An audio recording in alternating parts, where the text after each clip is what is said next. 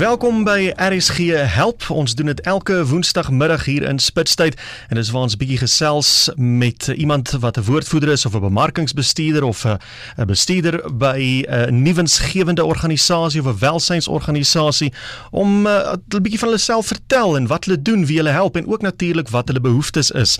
Vanmiddag sê ek goeiedag aan Estie van der Merwe. Welkom hier by RSG. Baie dankie. Estie, jy is die bemarkingsbestuurder by Caritas. Wat is dit? Wel, um, soos jy gesê het, Willem, ons is 'n nuwe winsgewende maatskaplike werkorganisasie en ons bedieningsarea strek reg oor die Noord-Kaap en dele van die Noordwes provinsies met ons hoofkantoor natuurlik in Kimberley. Ons ons het onder andere kinderhuise so, um, ons Janie Roux kampus, hulle is in Baaklie, ons het al 85 kinders. Ons het twee maatskaplike kantore, Vryburg en Kimberley. Ehm um, en dan het ons 18 vroegkindontwikkelingssentrums, hierdie ECD's. Ehm um, daar het ons meer as 900 kinders wat ons akkommodeer. Ons het vyf ouerhuise wat onder ons val en 'n terapie sentrum wat waar ons nou 'n kinderafdeling het wat dan nou spesifiek werk met kinders wat seksueel, ehm um, emosionele of fisiese trauma beleef het. Julle dra ontsettend baie hoede. Hoe kry julle reg om by alles en almal uit te kom? Ehm um, wel dit is dit is baie keer 'n bietjie moeilik, maar ons het ons het, ons ons bestaan al vir 130 jaar. So ons genoeg vir onder die knie. Ehm um, so nee ons het hierso net in in, in 1891 tydens die Anglo-Boereoorlog ja? het ons begin hier op dieselfde terrein uh, waar Caritas tans is in Kimberley. Ehm um, reg langs die konsentrasiekamp het hulle toe nou behoefte gesien vir die kinders wat weesgelaat het en daar's 'n kinderhuis opgerig en ehm um, deur die jare is die name verander, ehm um, geboue is geskuif, maar ons is nog steeds dieselfde terrein en ehm um, Ja, ons het nou net meer hier op sterre so nou die terapie sentrum ons het ons maatskaplike kantoor, 'n konferensiesentrum en dan die hoofkantoor.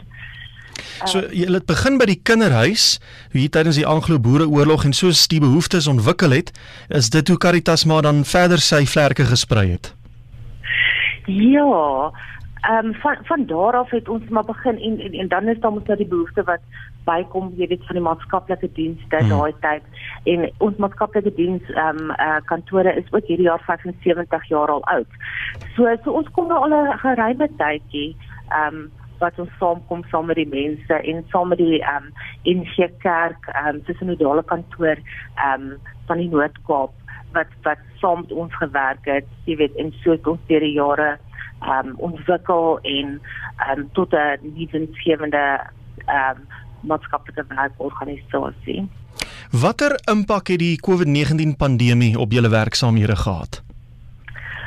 Dit ja, dit is dink as jy vir enige nuwensgewende maatskappy of organisasie vra, dan gaan dit so sê dit het 'n geweldige impak gehad. Ehm um, ons moet natuurlik geweldig baie staat op die nasies van die publiek om hmm. op water te hou en ehm um, hierdie jaar het dit dan gebeur dat steun van die beplande projekte kon alles niks kon plaasvind nie. En dit is nogal vir ons 'n groot terugslag want ons ons werk nogal baie hard om sien dit so te genereer. As ons nie van die maatskappy of, of organisasie het dit altyd 'n probleem want um, ons kan al klein subsidie van die staat staat, dis enige van die ouens wat ook sal kan sê uh, wat heeltemal onvoldoende is. Um ons doen nou maar die projekte deur die jaar en en dit het regtig 'n groot impak gehad. Ons ons is baie geseënd en baie gelukkig. Ons het kosdonasies van die ouens afgekry en ons is regtig baie dankbaar daarvoor. Maar ons ons sit nog steeds want um die operasionele kostes is mos maar ons hmm. almal se bekommernis. Ek dink al die al die um in uit nie dan sien die maatskappy of organisasie sal dit ook sê die operasionele kostes die dag tot tot dag um, uitgawes is dit is maar wat, wat ons waar ons die grootste stres op hierdie stadium beleef. Weestie, die doel van hierdie program is om mense en organisasies soos julle sin die platform te gee om nou te sê en te vra wat julle behoeftes is en hoe die RSG luisteraars kan help en julle bystaan. So wat is dit wat julle onmiddellike benodigdhede is daar by Caritas? Soos ek gesê het, ons die die grootste is natuurlik uh, voorbeeld um die oper, operasionele kostes. Onthou ons kinderhuis het bes 85 kinders, dit is een been van die organisasie. En um dit is ons, ons kry dit klein subsidie, maar die ouens het daarso onthou daar's elektrisiteit en water, hmm. die kinders gaan skool, die skoolgeld, daar's mediese kostes, dis sakgeld.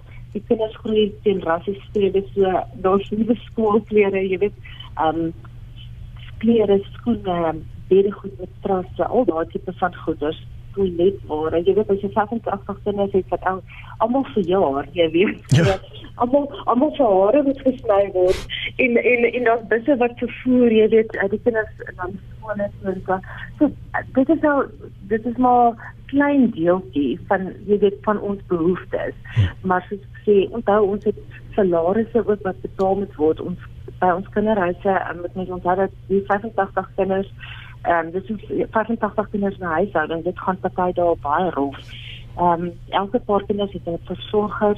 Ehm um, ons het skoonmaakpersoneel, instandhoudingspersoneel, kokke, daar's maatskaplike werkers want dit die meeste van ons kinders het die een of ander tyd 'n trauma beleef, hmm. jy weet, en dan moet die ouens wat die finansiële klas klop. En ek ehm um, ek dink ons is redelik ehm um, ons het ons lê redelik inisiatief van die dag wanneer dit kom by besparing, maar ou kan ook net soveel bespaar en ons het regtig ehm um, die behoeftes is groot. Ehm um, en ons sien dit oral. Ons sien dit selfs by ons maatskaplike kantore.